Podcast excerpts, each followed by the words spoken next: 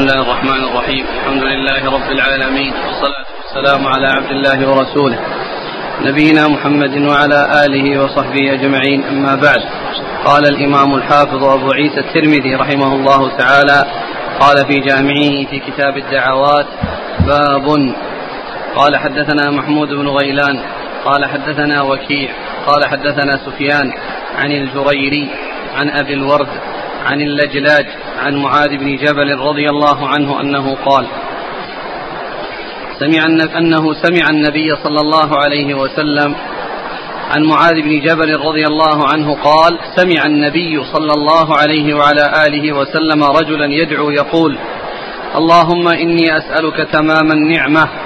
فقال أي شيء تمام النعمة؟ قال دعوة دعوت بها أرجو بها الخير. قال فإن من تمام النعمة دخول الجنة والفوز من النار. وسمع رجلا وهو يقول يا ذا الجلال والإكرام. قال استجيب لك. فسل. وسمع النبي صلى الله عليه وآله وسلم رجلا وهو يقول اللهم إني أسألك الصبر. فقال سألت الله البلاء فسله العافية. قال حدثنا أحمد بن منيع. قال حدثنا إسماعيل بن إبراهيم. عن الجريري بهذا الإسناد نحوه. قال أبو عيسى هذا حديث حسن. بسم الله الرحمن الرحيم. الحمد لله رب العالمين. وصلى الله وسلم وبارك على عبده ورسوله نبينا محمد وعلى آله وأصحابه أجمعين. أما بعد فهذا الحديث الذي أورده الترمذي رحمه الله في كتاب الدعوات عن معاذ بن جبل رضي الله تعالى عنه أنه سمع رجلا يقول في دعائه يقول إيش؟ اللهم إني أسألك تمام النعمة. اللهم إني أسألك تمام النعمة. قال وما تمام النعمة؟ قال دعوة دعوت بها أريد خيرا. فالنبي عليه الصلاة والسلام قال إن من تمام النعمة أن أن, أن, أن تدخل الجنة.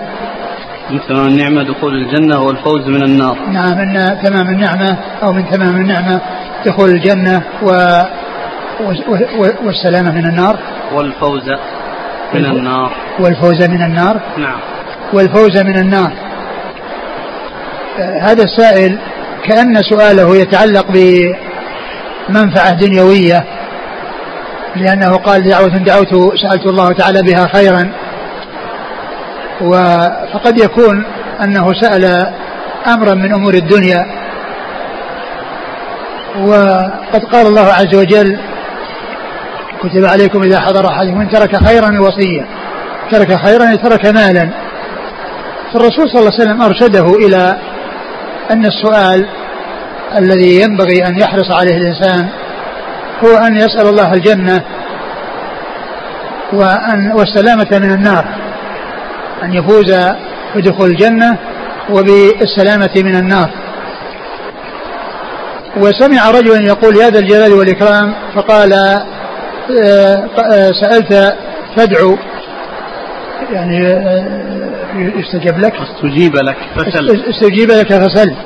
يعني أنه دعا بهذا الدعاء أو ذكر الله عز وجل أو نادى الله عز وجل بهذه الأوصاف العظيمة وهو وصفه بكونه ذا الجلال والإكرام فقال فقال له سل يعني اسأل حاجتك.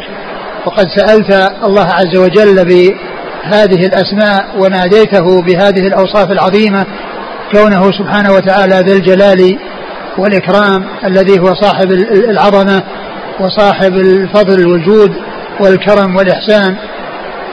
وسأل رجل يقول اللهم أني أسألك الصبر فقال سألت آه سألت الله البلاء. نعم. فاسأل الله العافية فاسأل الله العافية. يعني أن كون الإنسان يقول اللهم إني أسألك الصبر كأنه يسأله الصبر على شيء لم يقع. قال سألت الله عز وجل البلاء فسأل الله العافية. وأما إذا وقع البلاء وحصل وسأل الإنسان ربه أن يثبته على ما حصل له من المصيبة فذلك لا بأس به. وكون الإنسان يسأل الله عز وجل أن يصبره على الطاعات وأن يصبره على المعاصي لا بأس بذلك. ثم قال بعده. سألت الله البلاء فسأله العافية. نعم سأل الله العافية. والعافية آه، في الدنيا والآخرة في هي تحصيل كل خير والسلامة من كل شر. والحديث في إسناده أبو الورد وهو مقبول ولم يتابع على الحديث فالحديث ضعيف. نعم. قال حدثنا محمود بن غيلان. ثقة أخرج أصحاب الكتب إلا أبا داود. عن وكيع. وكيع بن الجراح ثقة أخرج أصحاب الكتب. عن سفيان. سفيان هو الثوري ثقة أخرج أصحاب الكتب. عن الجريري. والجريري سعيد بن إياس الجريري ثقة أخرج أصحاب الكتب. عن أبي الورد. وهو مقبول أخرج له. البخاري المفرد وأبو داود والترمذي والنسائي في مسند علي. آه. عن اللجلاج. عن اللجلاج صحابي أخرج له. البخاري المفرد وأبو داود والترمذي والنسائي. نعم. عن معاذ بن جبل رضي الله عنه أخرج له أصحاب الكتب.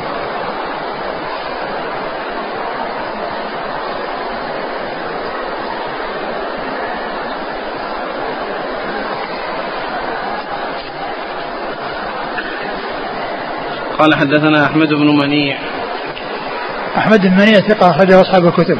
عن إسماعيل بن إبراهيم. وهو بن علية ثقة أخرجه أصحاب الكتب.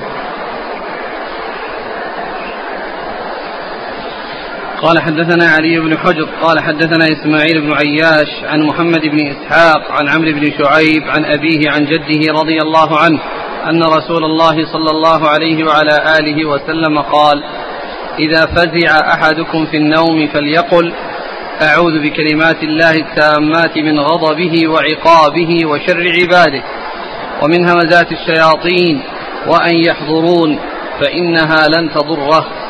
قال وكان عبد الله بن عمر رضي الله عنهما يعلمها من بلغ من ولده ومن لم يبلغ منهم كتبها في صك ثم علقها في عنقه. قال أبو عيسى هذا حديث حسن غريب. هذه الإسناد. قال حدثنا علي بن حجر قال حدثنا إسماعيل بن عياش عن محمد بن إسحاق عن عمرو بن شعيب عن أبيه عن جده. أن رسول الله صلى الله عليه وسلم قال إذا فزع أحدكم في النوم فليقل أعوذ بكلمات الله التامات من غضبه وعقابه وشر عباده. ومن همزات الشياطين وأن يحضرون فإنها لن تضره. قال وكان عبد الله ظهر بن عمرو. نعم بن عمرو. عندك ابن عمر؟ نعم. بن عمرو. وكان عبد الله بن عمرو رضي الله عنهما يعلمها من بلغ من ولده ومن لم يبلغ منهم كتبها في صك ثم علقها في عنقه. ثم ذهب عيسى حديث عبد الله بن عمرو العاص رضي الله عنهما أن النبي صلى الله عليه وسلم قال إذا فزع إذا فزع أحدكم نعم. في النوم فليقل. فليقل إذا فزع أحدكم من النوم يعني حصل له خوف أو حصل له آه، فزع. في النوم يعني يعني استيقظ فزعا أو أنه لم يحصل له النوم بسبب الفزع فليقل اللهم إني أعوذ بك أعوذ بكلمات الله التامات من غضبه وعقابه وشر عباده ومن همزات الشياطين وأن يحضرون. أعوذ بكلمات بكلمات الله التامة من غضبه وعقابه, وعقابه وشر عباده. من غضبه وعقابه وشر عباده ومن همزات الشياطين وأن يحضرون. فإنها لا تضره أي لا يضره ذلك الذي فزع منه أو الفزع الذي حصل له. فقولهم أن أعوذ بالله من, من, من غضبه. يعني يستعيذ بالله عز وجل من غضب الله عز وجل وأن يغضب عليه. فهو يستعيذ بالله من غضبه سبحانه وتعالى وأن يكون يحصل له الرضا ولا يحصل له الغضب وعقابه الذي هو نتيجة الغضب. والذي يترتب على الغضب لأن الغضب يترتب عليه العقوبة وشر عباده وكذلك يستعيذ بالله من شر عباده من شر خلقه. كما قال الله عز وجل قل أعوذ برب الفلق من شر ما خلق ومنه الدعاء أعوذ بكلمات الله التامة من شر ما خلق فهو يتعوذ بالله من شر الخلق من كل شر يحصل من طريق من الخلق. وفي هذا الاستعاذة بالله من غضبه ومما يترتب على الغضب وهو العقوبة ويسأله أيضا أن يكفيه وأن يعيذه من شر عباد الله عز وجل.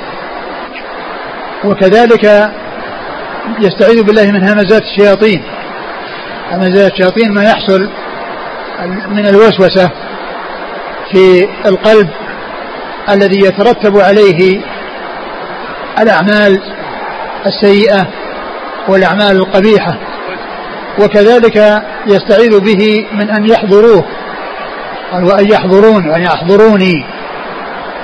فيكون في سلامة من الشياطين وبعد عن الشياطين وحضور الشياطين لأن الشياطين إذا حضرت يحصل ضررها ويحصل البلاء الذي يترتب على حضورها فهو يسأل الله عز وجل السلامة من غضبه ومن عقابه وأليم وشر عباده ويسأله أيضا السلامة من الشياطين الذين يؤذونه في دينه ودنياه وكذلك من حضورهم لأن حضورهم يترتب عليه الضرر لما يحصل منهم من الوسوسة وما يحصل منهم من البلاء فهو يسأل الله عز وجل السلامة من ذلك. قال وكان ابن عمر عبد الله بن عمرو رضي الله عنهما من بلغ لقنه ذلك وعرفه إياه ومن لم يبلغ فإنه يكتبه في صك أي في ورقة ويعلق ذلك في عنقه. والحديث آآ هو حسن بدون هذه الزيادة لأنه وجد ما يشهد له وما يدل عليه. وأما بالنسبة للزيادة فإنه ليس هناك شيء يدل على المتابعة. ثم أيضا لو ثبت لو ثبتت هي فعل صحابي ومعلوم أن السلف اختلفوا في تعليق ما فيه ذكر الله عز وجل فبعضهم أجازه وبعضهم منعه. ولا شك أن المنع هو الأظهر لعموم ما ورد في التمائم ولأنه يشتغل به عن الرقية ولأنه أيضا يترتب عليه إدخاله في الأماكن القذرة. يعني إذا كان معلقا وتعريضه للأوساخ من الصبيان ف, ف فهو ليس هناك يعني آه يعني هذا الاسناد نفسه يعني لا يكفي في ثبوته هو. وأما الحديث فإنه لهم يعني وجد ما يدل عليه وما يعضده ويؤيده. وأما هذه الزيادة التي جاءت عن ابن عمر فالإسناد فيه إسماعيل بن عياش وروايته عن محمد بن إسحاق وهو من من من الحجازيين. رواية من غير أهل بلده. ثم أيضا آه هو مدلس وقد روى بالعنعنة. ولكن الحديث متنه يعني وجد ما يؤيده. وأما بالنسبة للزيادة فإنه لم يعني يأتي ما يؤيدها. ولو ثبتت ولو صحت فإنها فعل صحابي. وقد اختلف السلف في ذلك والقول الصحيح هو عدم تعليق شيء من التمائم ولو كانت من القرآن لما يترتب عليها من المحاذير التي هي كونها تعرضة لإدخالها في دور في الأماكن القذرة ولكون الصبيان أيضا لا يسلمون من النجاسات ويحصل منهم توسيخها وتعريضها لما لا ينبغي أن تعرض له. وكذلك أيضا ما أشرت إليه من قبل أن فيها استغناء أو اكتفاء بها عن الرقية. وأيضا ما ورد من العموم في تعليق التمائم والنهي عن ذلك فكل هذا يدل على أن التعليق لشيء من القرآن أو غيره أنه لا يصلح ولا ينبغي أن يفعل. نعم. قال حدثنا علي بن حجر. هو بن إياس السعدي ثقة أخرجه البخاري ومسلم والترمذي والنسائي. عن إسماعيل بن عياش. وهو صدوق في روايته عن في روايته عن أهل بلده مخلط في روايته عن غيرهم. عن محمد بن إسحاق المدني هو صدوق خرجه البخاري تعليقا ومسلم وأصحاب السنن. عن عمرو بن شعيب. عمرو بن شعيب وهو عمرو بن شعيب بن محمد بن عبد الله بن عمرو بن العاص. وعمر هذا صدوق أخرج له البخاري في جزء القراءة وأصحاب السنن. عن أبيه شعيب بن محمد أخرجه البخاري في المفرد وجزء القراءة وأصحاب السنن وهو صدوق. وجده هو عبد الله بن عمرو بن العاص أحد العباد له الأربعة وأحد وأخرج حديث أصحاب الكتب الستة وجده هو آه، آه، آه، هو جد شعيب الذي هو عبد الله بن عمرو وليس جد عبد الله بن وليس جد عمرو الذي هو محمد وإنما هو جد أبيه فهو يروي عن أبيه وأبوه يروي عن جده. لأن محمد آه، ليس بصحابي. فإذا انتهى الإسناد إليه يكون مرسل. إضافته إلى النبي صلى الله عليه وسلم يكون من قبيل المرسل. ولكنه من قبيل المتصل لأن شعيبا يروي عن جده عبد الله بن عمرو. نعم.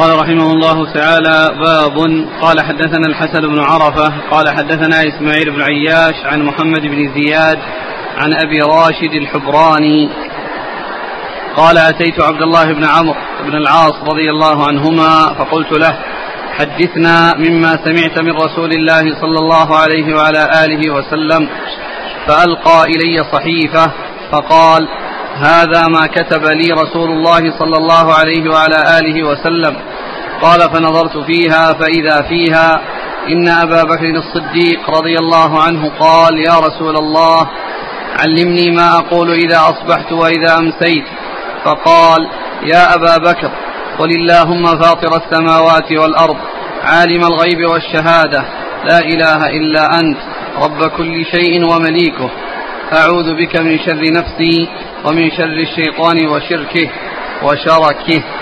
وأن أقترف على نفسي سوءا أو أجره إلى مسلم. قال هذا حديث حسن غريب من هذا الوجه. ثم وليس حديث عبد الله بن عمرو بن العاص رضي الله عنهما أن أنه قال له من هو؟ الراوي عنه؟ أبو راشد الحب أبو راشد أبو راشد الحبراني قال آه، علمني شيئا مما أخذته عن رسول الله عليه الصلاة والسلام فألقى إليه صحيفة وإذا فيها أن أبا بكر سأل رسول الله صلى الله عليه وسلم بدعاء يدعو به فقال له قل اللهم فاطر السماوات والأرض عالم الغيب والشهادة لا إله إلا أنت لا إله إلا أنت أعوذ بك رب كل شيء ومليكه رب كل شيء ومليكه أعوذ بك من شر نفسي, من شر نفسي ومن شر الشيطان وشركه وأن أقترف على نفسي سوءا وأن أجر أو أجره. أو أجره إلى غيري. فهذا دعاء آه، علمه النبي صلى الله عليه وسلم لأبي بكر وقد مر هذا الدعاء يعني فيما مضى وفيه آه، التوسل إلى الله عز وجل بكونه خالق كل شيء وأنه فاطر السماوات والأرض الموجد لهما المبدع لهما على غير مثال. فقد أنشأهما وأوجدهما, وأوجدهما. وكذلك بكونه عالم الغيب والشهادة ما يعني عالم الغيب والشهادة بالنسبة للناس لأن الأشياء عندهم غيب وشهادة. وأما بالنسبة لله عز وجل فكل شيء عنده شهادة وليس عنده غيب لا يغيب عن الله شيء وإنما هو مطلع على كل شيء. فهو عالم بما غاب عن الناس وما شهدوه وما ظهر لهم وما خفي عليهم. فهو عالم بكل شيء. ثم قال آه، لا إله إلا أنت. وهذا آه، اعتراف بألوهيته وأنه الإله الحق الذي لا تكون العبادة إلا له سبحانه وتعالى وأنه رب كل شيء ومليكه.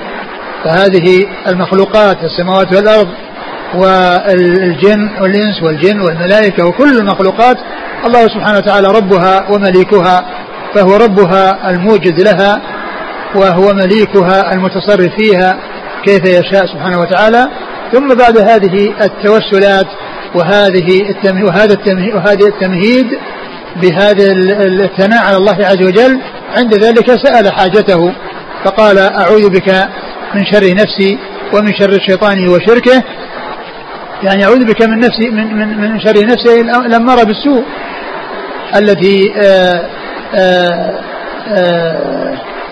تأمر صاحبها بأن يقدم على الأمور المحرمة وأن يقدم على الشهوات التي تميل إليها النفس وتعود على صاحبها بالمضرة بأن يقدم على الأمور المحرمة التي تميل إليها النفوس فيترتب على ذلك ضرره بسبب إنقياده لنفسه الأمارة بالسوء.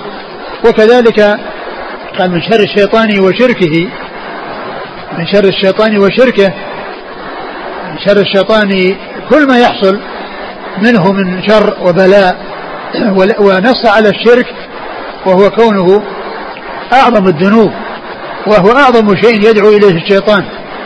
لأن الإنسان إذا وقع فيه صار من أهل النار وحرمت عليه الجنة.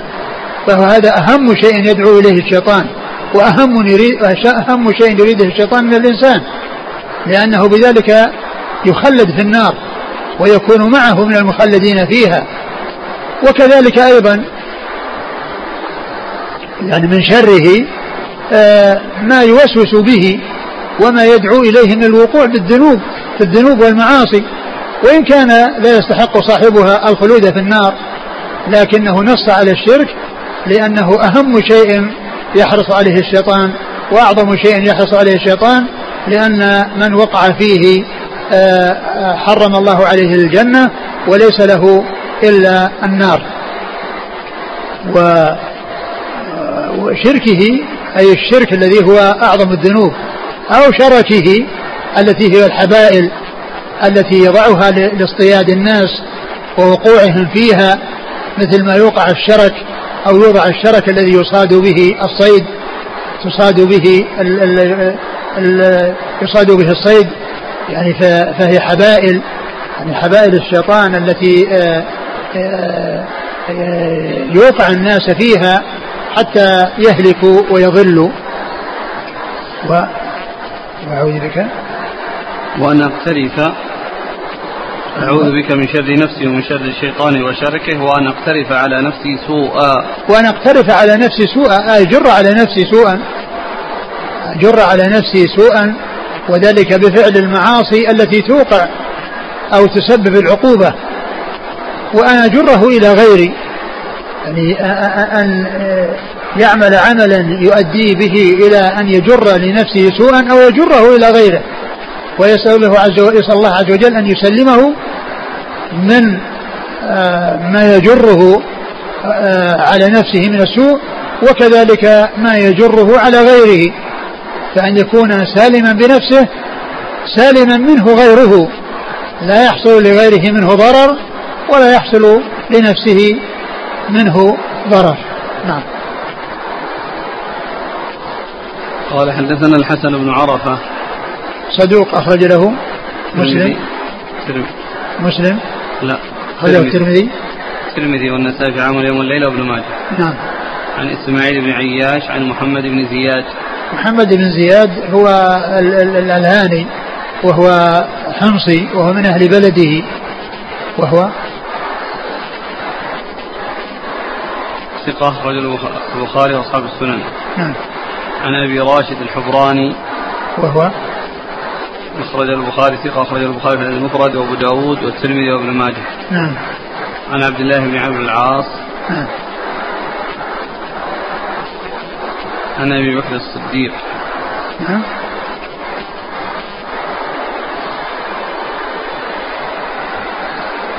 مسند عبد الله بن عمرو. نعم. يقول من مسند عبد الله بن عمرو.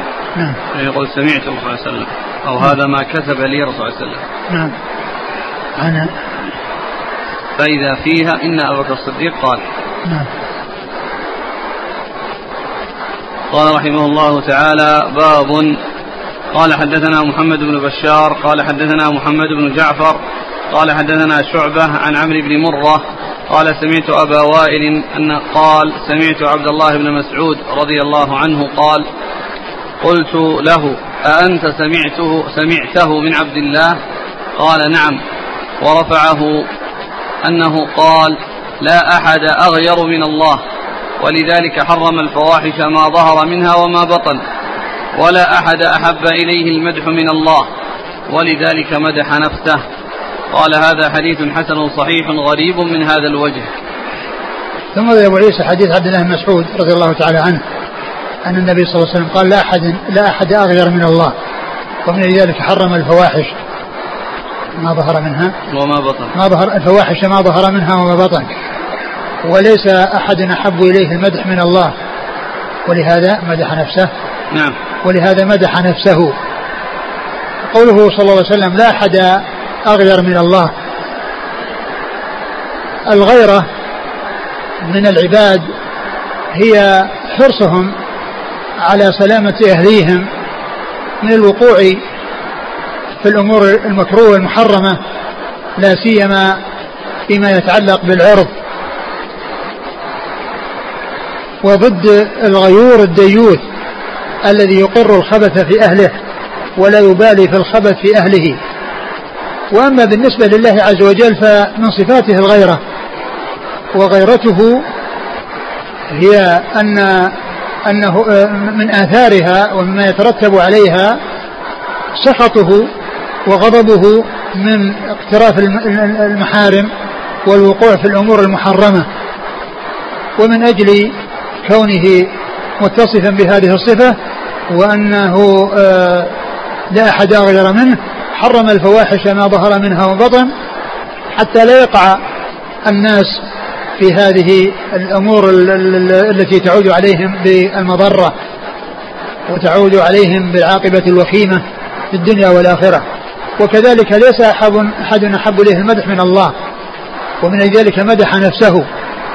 وهو سبحانه وتعالى آآ آآ آآ أثنى على نفسه ومدح نفسه وكذلك ثناء عباده عليه وذكرهم إياه سبحانه وتعالى ودعائه واستغفاره والثناء عليه. كل هذا مما يحبه الله عز وجل. ولهذا جاءت الأحاديث الكثيرة في بيان الثناء على الله عز وجل تسبيحه وتكبيره وتعظيمه وتوحيده وتهليله وغير ذلك.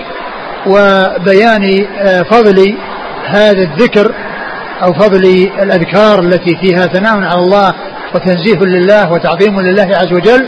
ومن يحب من عباده أن أن يعبدوه وأن يثنوا عليه بما هو اللائق به. وهو المتصف بكل كمال سبحانه وتعالى والمنزه من كل نقص. نعم.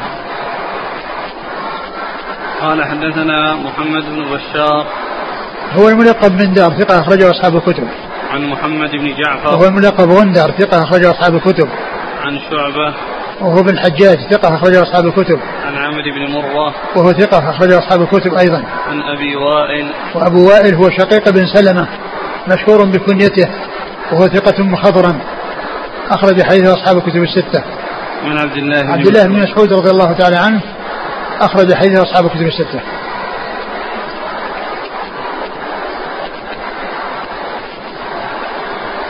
قال رحمه الله تعالى باب قال حدثنا قتيبة قال حدثنا الليث عن يزيد بن أبي حبيب عن أبي الخير عن عبد الله بن عمرو رضي الله عنهما عن أبي بكر الصديق رضي الله عنه أنه قال لرسول الله صلى الله عليه وآله وسلم علمني دعاء أدعو به في صلاتي. قال قل اللهم إني ظلمت نفسي ظلما كثيرا ولا يغفر الذنوب إلا أنت. فاغفر لي مغفرة من عندك وارحمني إنك أنت الغفور الرحيم. قال هذا حديث حسن غريب وهو حديث ليث بن سعد وأبو الخير اسمه مرثد بن عبد الله اليزني. ثم أورد أبو عيسى هذا الحديث عن أبي بكر رضي الله عنه هو أنه سأل رسول الله صلى الله عليه وسلم أن يعلمه دعاء يدعو به في صلاته. والدعاء في الصلاة يكون في التشهد الأخير قبل السلام وبعد التشهد والصلاة على الرسول صلى الله عليه وسلم ويكون في السجود هذان هما الموضعان الذي اللذان جاء آه، آه، الإرشاد إلى الدعاء فيهما والترغيب في الدعاء فيهما قبل السلام في.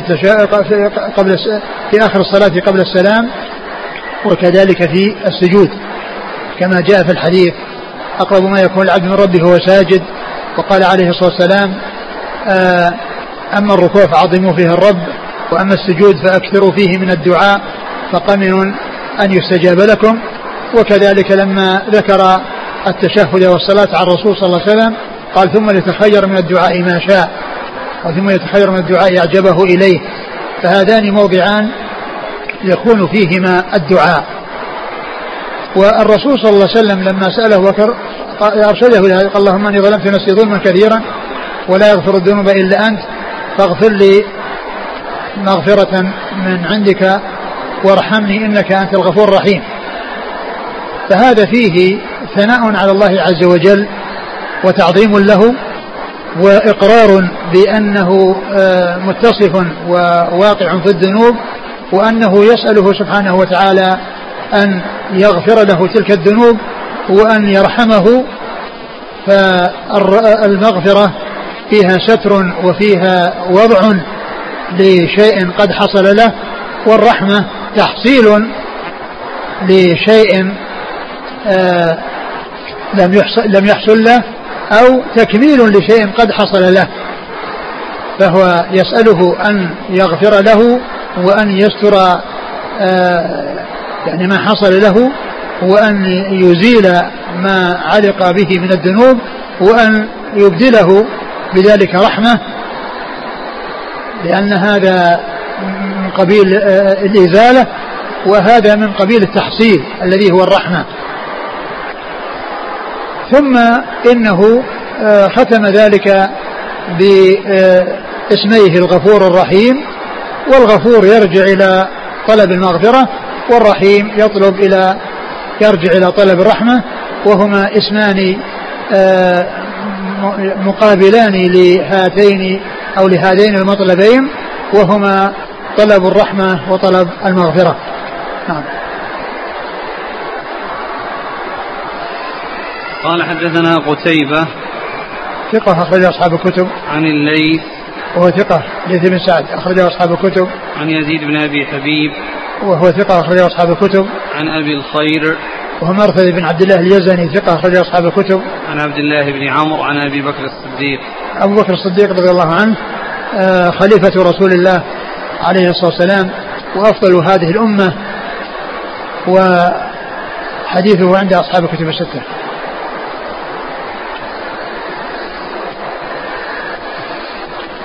قال حدثنا محمود بن غيلان قال حدثنا أبو أحمد قال حدثنا سفيان عن يزيد بن أبي زياد عن عبد الله بن الحارث عن المطلب بن أبي وداعة رضي الله عنه أنه قال جاء العباس رضي الله عنه إلى رسول الله صلى الله عليه وآله وسلم فكأنه سمع شيئا فقال النبي صلى الله عليه وعلى آله وسلم على المنبر فقال فقام النبي صلى الله عليه وعلى آله وسلم على المنبر فقال من أنا؟ فقالوا أنت رسول الله عليك السلام. قال أنا محمد بن عبد الله بن عبد المطلب. إن الله خلق الخلق فجعلني في خيرهم فرقة ثم جعلهم فرقتين فجعلني في خيرهم فرقة ثم جعلهم قبائل فجعلني في خيرهم قبيلة. ثم جعلهم بيوتا فجعلني في خيرهم بيتا وخيرهم نسبا. قال أبو عيسى هذا حديث حسن.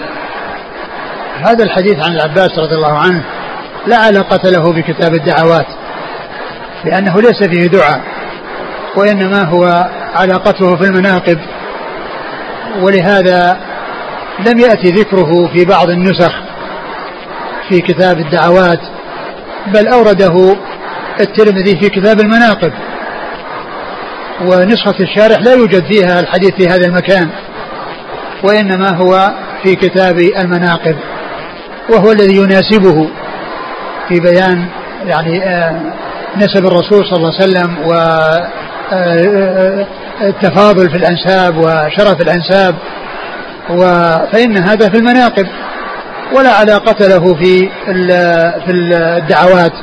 وليس فيه دعاء وسيأتي الكلام عليه إن شاء الله حيث أتى به المصنف في كتاب المناقب. نعم. بعده قال رحمه الله تعالى باب. قال حدثنا محمد بن حميد الرازي. قال حدثنا الفضل بن موسى عن الأعمش عن أنس رضي الله عنه أن رسول الله صلى الله عليه وعلى آله وسلم مر بشجرة يابسة الورق فضربها بعصاه فتناثر الورق.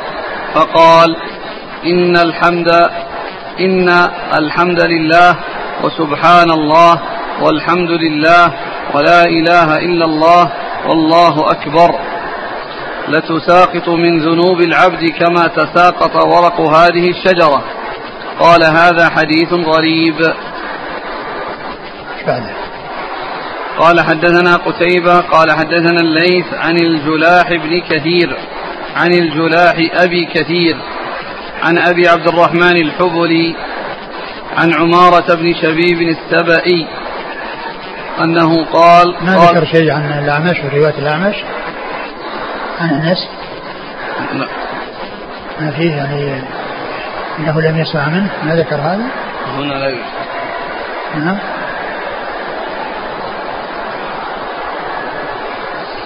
نسخة الشارح. لما قال هذا حديث غريب قال ولا نعرفه للأعمش ولا نعرفه للأعمش ولا نعرف للأعمش سماعا من أنس إلا أنه قد رآه ونظر إليه. نعم هذا هذا موجود في بعض النسخ. فنسخة الشارح وغيرها هذه النسخة سقط منها هذا الكلام. والمتن المتن. الشجرة نعم.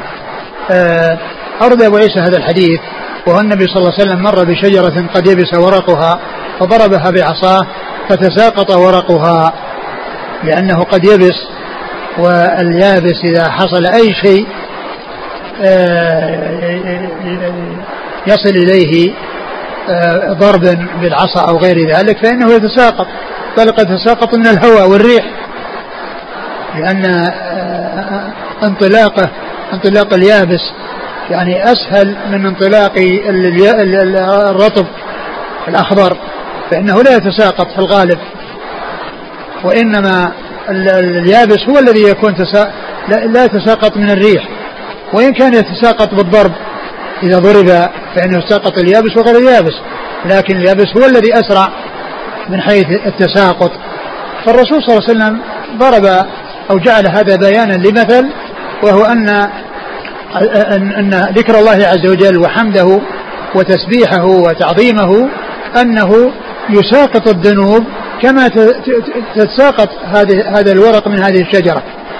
كما ساقط هذا الورق من هذه الشجرة فهذه هذه الأذكار التي جاءت في هذا الحديث فيها التخلص من الذنوب والسلامة من الذنوب كما يحصل تساقط هذا الورق من هذه الشجرة بهذه الضربة التي ضربها النبي صلى الله عليه وسلم بعصاه.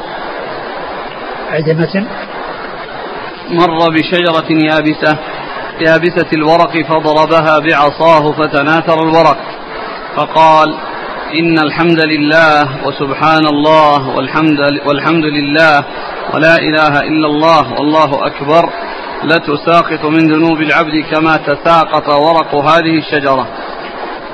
نعم هذا يعني بيان فضل هذا الذكر وأنه يحصل به تساقط الذنوب كما يحصل تساقط هذا الورق اليابس من هذه الشجرة التي ضربها الرسول صلى الله عليه وسلم بعصاه فتساقط آه، ورقها.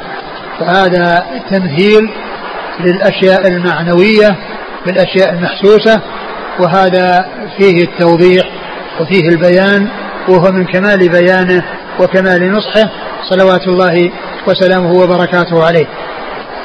والحديث من رواية الأعمش عن أنس والأعمش كما قال الترمذي أنه لم يسمع وإنما رآه لم يسمع من أنس وإنما رآه وهو من صغار التابعين اللي هو الأعمش من الطبقة الخامسة وصغار التابعين هم الذين رأوا صغار الصحابة.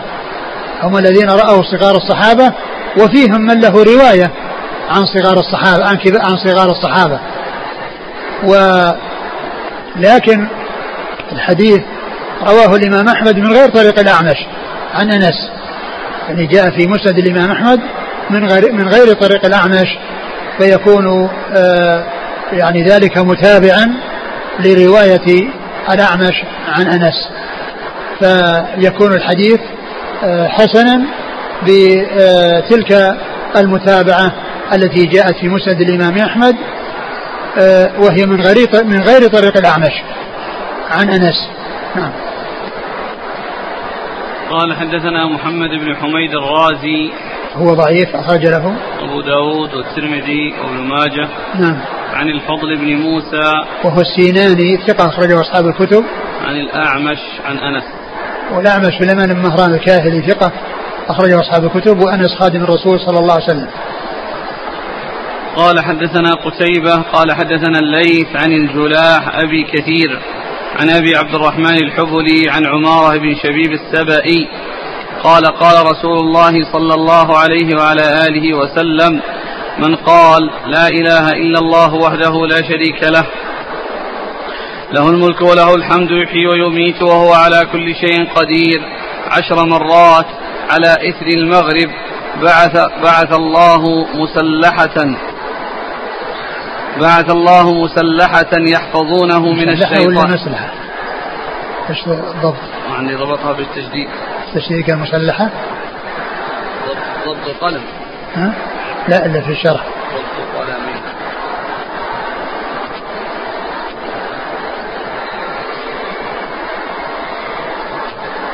ما شرحها ولم يضبط. قال بعث الله له مسلحة ومسلحة. قال في النهاية المسلحة والمسلحة بدون ضبط. القوم الذين يحفظون الثغور من العدو. يمكن يعني انه انه مسلحة على اعتبار ان انه القوم يعني مسلحون يعني وصف لموصوف محذوف يعني آه، آه، مسلحة يرقبون. كم الحديث؟ مسلحة؟ يحفظونه من الشيطان. نعم. وبعده؟ حتى يصبح. نعم.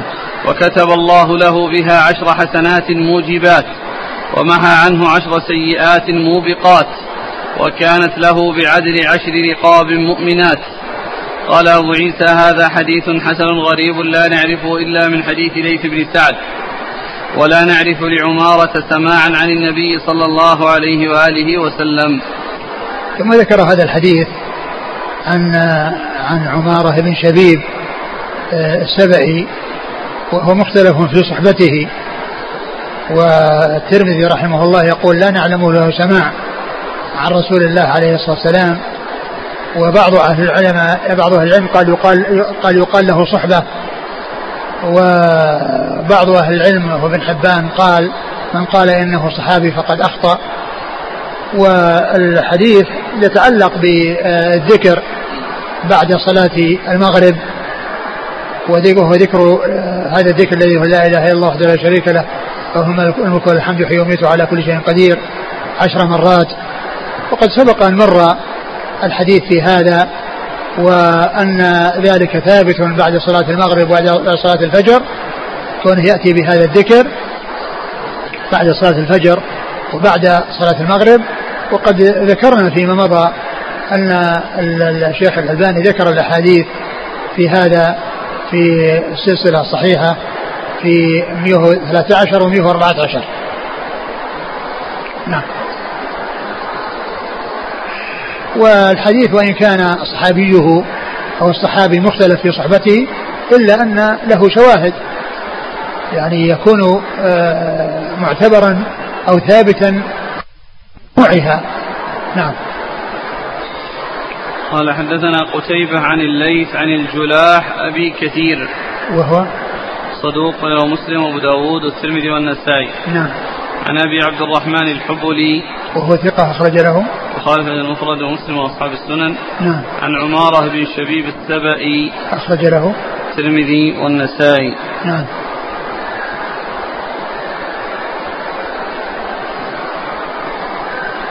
قال رحمه الله تعالى باب في فضل التوبة والاستغفار وما ذكر من رحمة الله لعباده. قال حدثنا ابن أبي عمر قال حدثنا سفيان عن عاصم بن أبي النجود عن زر بن حبيش قال أتيت صفوان بن عسال المرادي رضي الله عنه أسأله, أسأله المسح على الخفين فقال ما جاء بك يا زر فقلت ابتغاء العلم فقال إن الملائكة تضع أجنحتها لطالب العلم رضا بما يطلب فقلت إنه حك في صدر المسح على الخفين بعد الغائط والبول وكنت امرأ من وكنت امرأ وكنت امرأ من أصحاب النبي صلى الله عليه وآله وسلم فجئت أسألك هل سمعته يذكر في ذلك شيئا؟ قال نعم كان يأمرنا إذا كنا سفرا أو مسافرين ألا ننزع خفافنا ثلاثة أيام ولياليهن إلا من جنابة لكن من غائط وبول ونوم. فقلت هل سمعته يذكر في الهوى شيئا؟ قال نعم كنا مع النبي صلى الله عليه وآله وسلم في سفر فبينا نحن عنده إذ ناداه أعرابي بصوت له جهوري. يا محمد فأجابه رسول الله صلى الله عليه وآله وسلم نحوا من صوته ها أم وقلنا له ويحك أغضض من صوتك فإنك عند النبي صلى الله عليه وآله وسلم. وقد نهيت عن هذا فقال والله لا أغضض قال الأعرابي المرء يحب القوم ولما يلحق بهم. قال النبي صلى الله عليه وآله وسلم المرء مع من أحب يوم القيامة. فما زال يحدثنا حتى ذكر بابا من قبل المغرب مسيرة سبعين عاما عرضه أو يسير الراكب في عرضه أربعين أو سبعين عاما. قال سفيان قبل الشام. خلقه الله يوم خلق السماوات والأرض مفتوحا يعني للتوبة لا يغلق حتى تطلع الشمس منه. قال أبو عيسى هذا حديث حسن صحيح. نعم بعده. قال حدثنا أحمد بن عبدة الضبي. قال حدثنا حماد بن زيد عن عاصم عن زر بن حبيش أنه قال أتيت صفوان بن عسال المرادي رضي الله عنه فقال ما جاء بك؟ قلت ابتغاء العلم. قال بلغني أن الملائكة تضع أجنحتها لطالب العلم رضا بما يفعل. قال قلت إنه حاك أو قال حك في نفسي شيء من المسح على الخفين فهل حفظت من رسول الله صلى الله عليه وسلم فيه شيئا؟ قال نعم. كنا إذا كنا في سفر أو مسافرين. أمرنا ألا نخلع خفافنا ثلاثا إلا من جنابة. ولكن من غائط وبول ونوم. قال فقلت فهل حفظت من رسول الله صلى الله عليه وسلم في الهوى شيئا؟ قال نعم كنا مع رسول الله صلى الله عليه وسلم في بعض أسفاره فناداه رجل فناداه رجل كان في آخر القوم بصوت جهوري أعرابي جل جلف جاف. فقال يا محمد يا محمد فقال له القوم مه إنك قد نهيت عن هذا. فأجابه رسول الله صلى الله عليه وسلم نحو من صوته ها أم فقال الرجل فقال الرجل يحب القوم ولما يلحق بهم.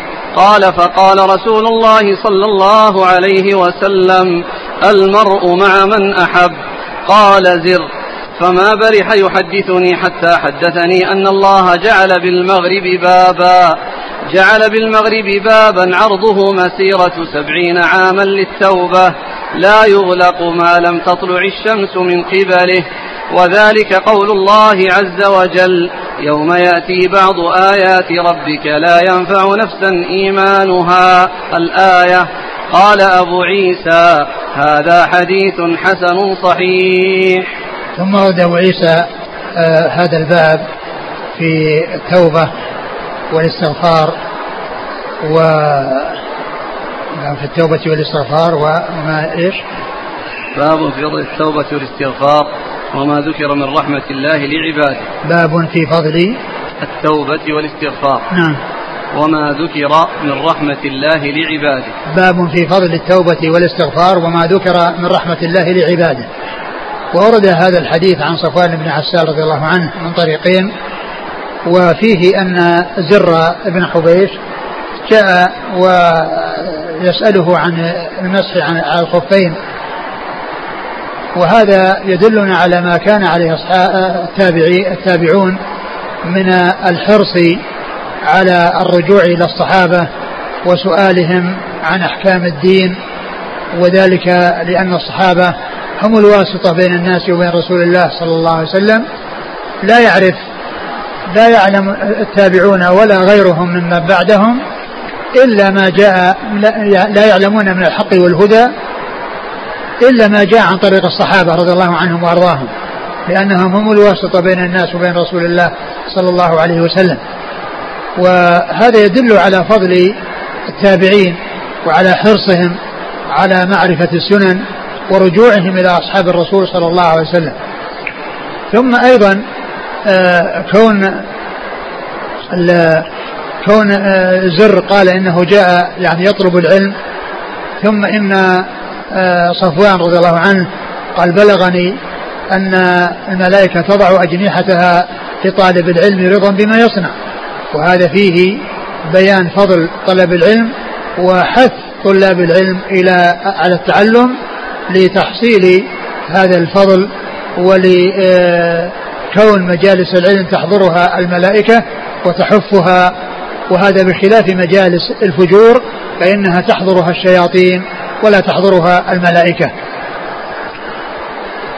وهذه الجملة التي ذكرها صفوان رضي الله عنه جاءت في حديث أبي الدرداء المشتمل على خمس جمل في فضل طلب العلم. وهي قوله صلى الله عليه وسلم من سلك طريقا يلتمس فيه علما سهل الله له به طريق الجنة وإن الملائكة لتضع أجنحتها لطالب العلم رضا نصنع وإن وإن العالم يستغفر له من في السماوات والأرض حتى الحيتان في الماء وفضل العالم على العابد كفضل القمر على سائر الكواكب وإن العلماء ورثة الأنبياء وإن الأنبياء لم يورثوا دينارا ولا درهما وإنما ورثوا العلم فمن أخذ به أخذ بحظ وافر. وهذا هو حديث أبي الدرداء المشتمل على خمس جمل في آه، فضل الاشتغال بالعلم. وهذا الذي أجاب به أو ذكره صفوان بن عسار رضي الله عنه لزر بن حبيش هذه الجملة الدالة آه، آه، على فضل طلب العلم. جاءت ضمن جمل خمس عن رسول الله عليه الصلاة والسلام في حديث أبي الدرداء رضي الله عنه. وحديث أبي الدرداء هذا شرحه الحافظ بن رجب في جزء اسمه شرح حديث أبي الدرداء آه، من سلك طريقا يلتمس فيه علما. فسأله عن آه، عن المسح الخفين فقال إن الرسول صلى الله عليه وسلم أو أن أخبرنا أن إذا كنا سفرا أو مسافرين أن لا ننزع خفافنا ثلاثة أيام بلياليها إلا من الجنابة. يعني أن الجنابة لابد من النزع من أجل الاغتسال من أجل الاغتسال. وأما بالنسبة لنقض الوضوء بغائط أو بول أو ريح وما إلى ذلك فإنه يمسح على الخفاف وعلى الجوارب هذه المدة التي هي ثلاثة أيام بلياليها. وجاء في بعض الأحاديث آه، ذكر هذه المدة بالنسبة للمسافرين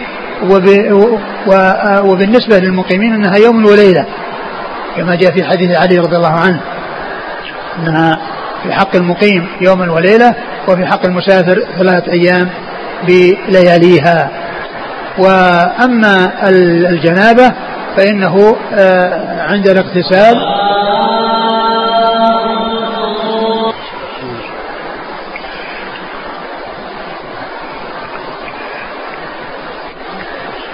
هذه المدة التي هي للمسافر وهي ثلاثة أيام بلياليها وأيضا بالنسبة للمقيم يوم وليلة آه، يمسح على الخفاف في الحدث الأصغر. عندما يتوضأ الإنسان فإنه لا ينزع. الخفاف في مدة ثلاث أيام بلياليها إذا كان مسافرا ويوم وليلة إذا كان مقيما وإنما يمسح. أما بالنسبة للجنابة فإنه لا بد من إزالة آه، إزالتها من أجل الغسل لأن الجنابة لا بد من كونه يصيب جميع بدن الإنسان الماء. فلا يغسل الإنسان جسده ويروح يمسح على على خفافه وهي باقية وإنما عليه أن يزيلها. وإنما المسح في آه، عند رفع الحدث الأصغر وأما الحدث الأكبر فلا بد فيه من وصول الماء إلى جميع أجزاء الجسد ومنها الرجلان آه، فلا بد من كشفهما إيش بعده؟ بعد هذا؟ فقلت هل سمعته يذكر في الهوى شيئا؟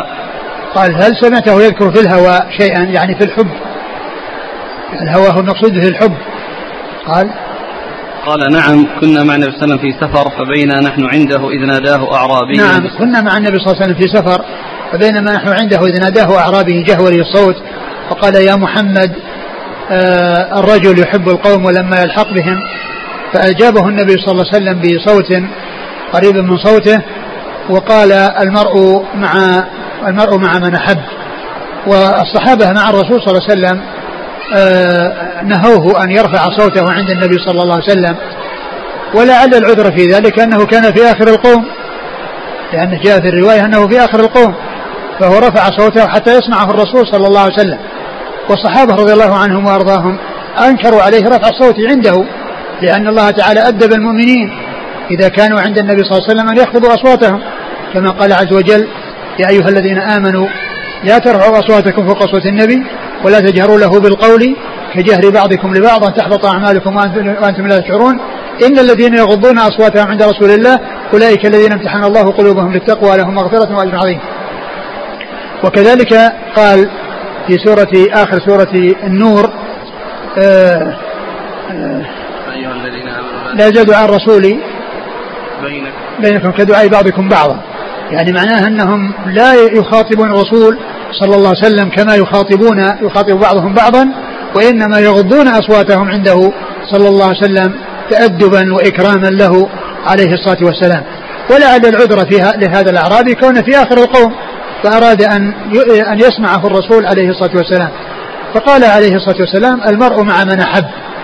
يعني أن أن أن المرأة وإن كان لم يحصل منه أن يعمل مثل ما يعمل هؤلاء القوم ولكنه يحبهم فإن المرأة مع من أحب والحديث في قولها المرأة مع من أحب متواتر. هذه الجملة وهي قول النبي صلى الله عليه وسلم المرء مع من أحب من أحب هي متواترة جاءت عن عدد من الصحابة. و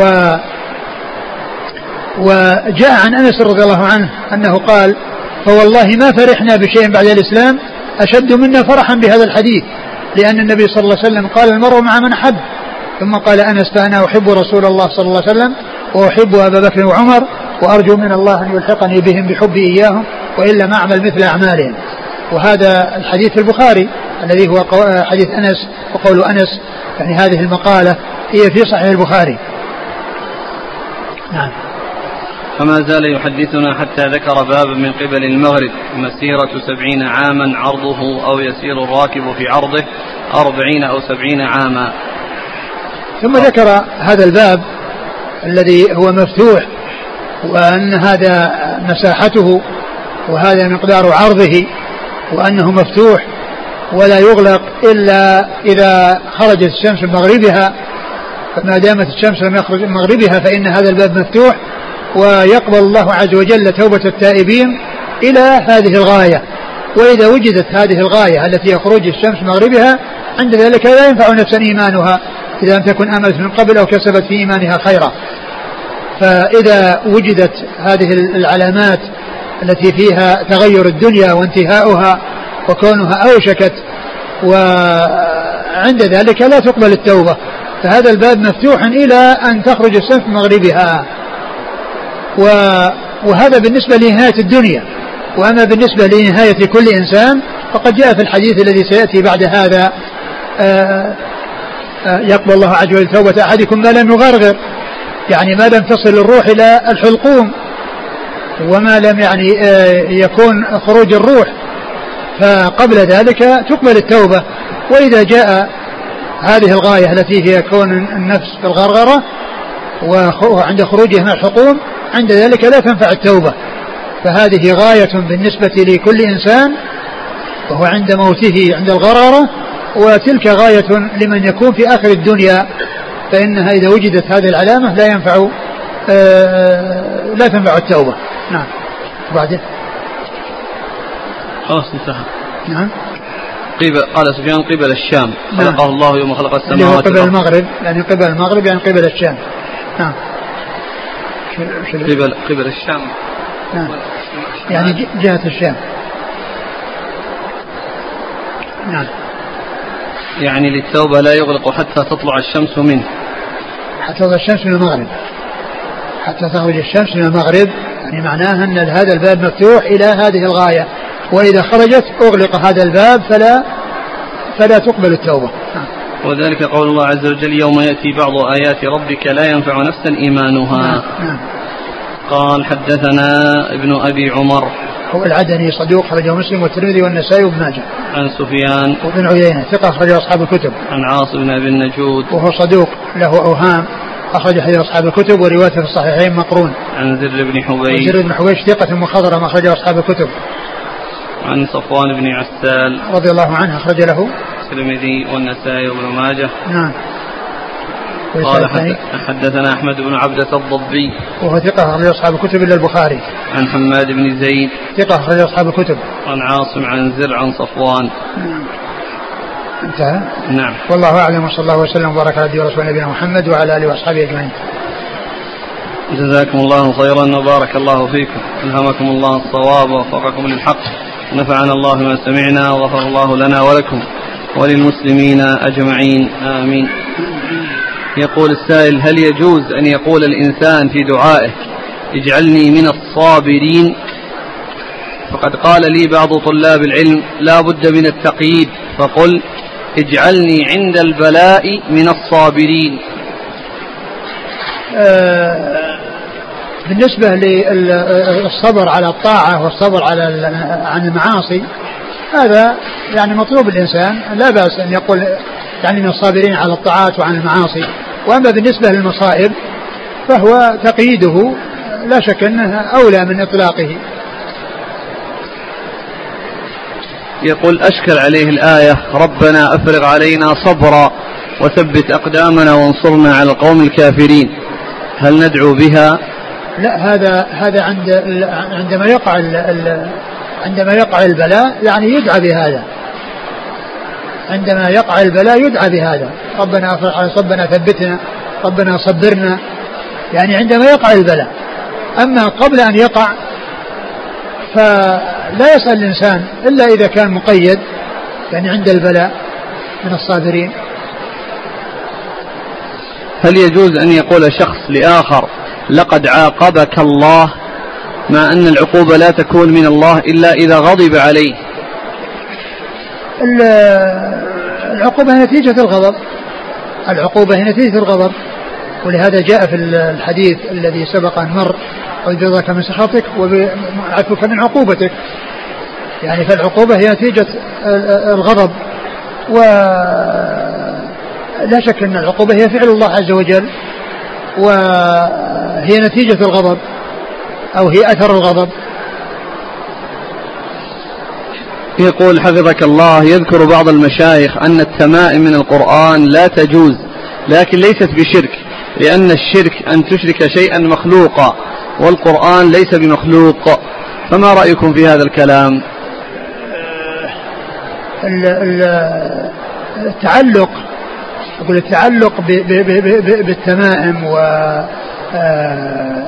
آه، يعني ولا شك إن القرآن هو كلام الله عز وجل وليس وليس بمخلوق ولكن آه، تحريمه أو منع منع ذلك عند من منعه من أجل المحاذير الأخرى التي هي تعريضه لما لا ينبغي ولكونه يستغنى عنه ولكونه يدخل في النهي عن عموم التعليق.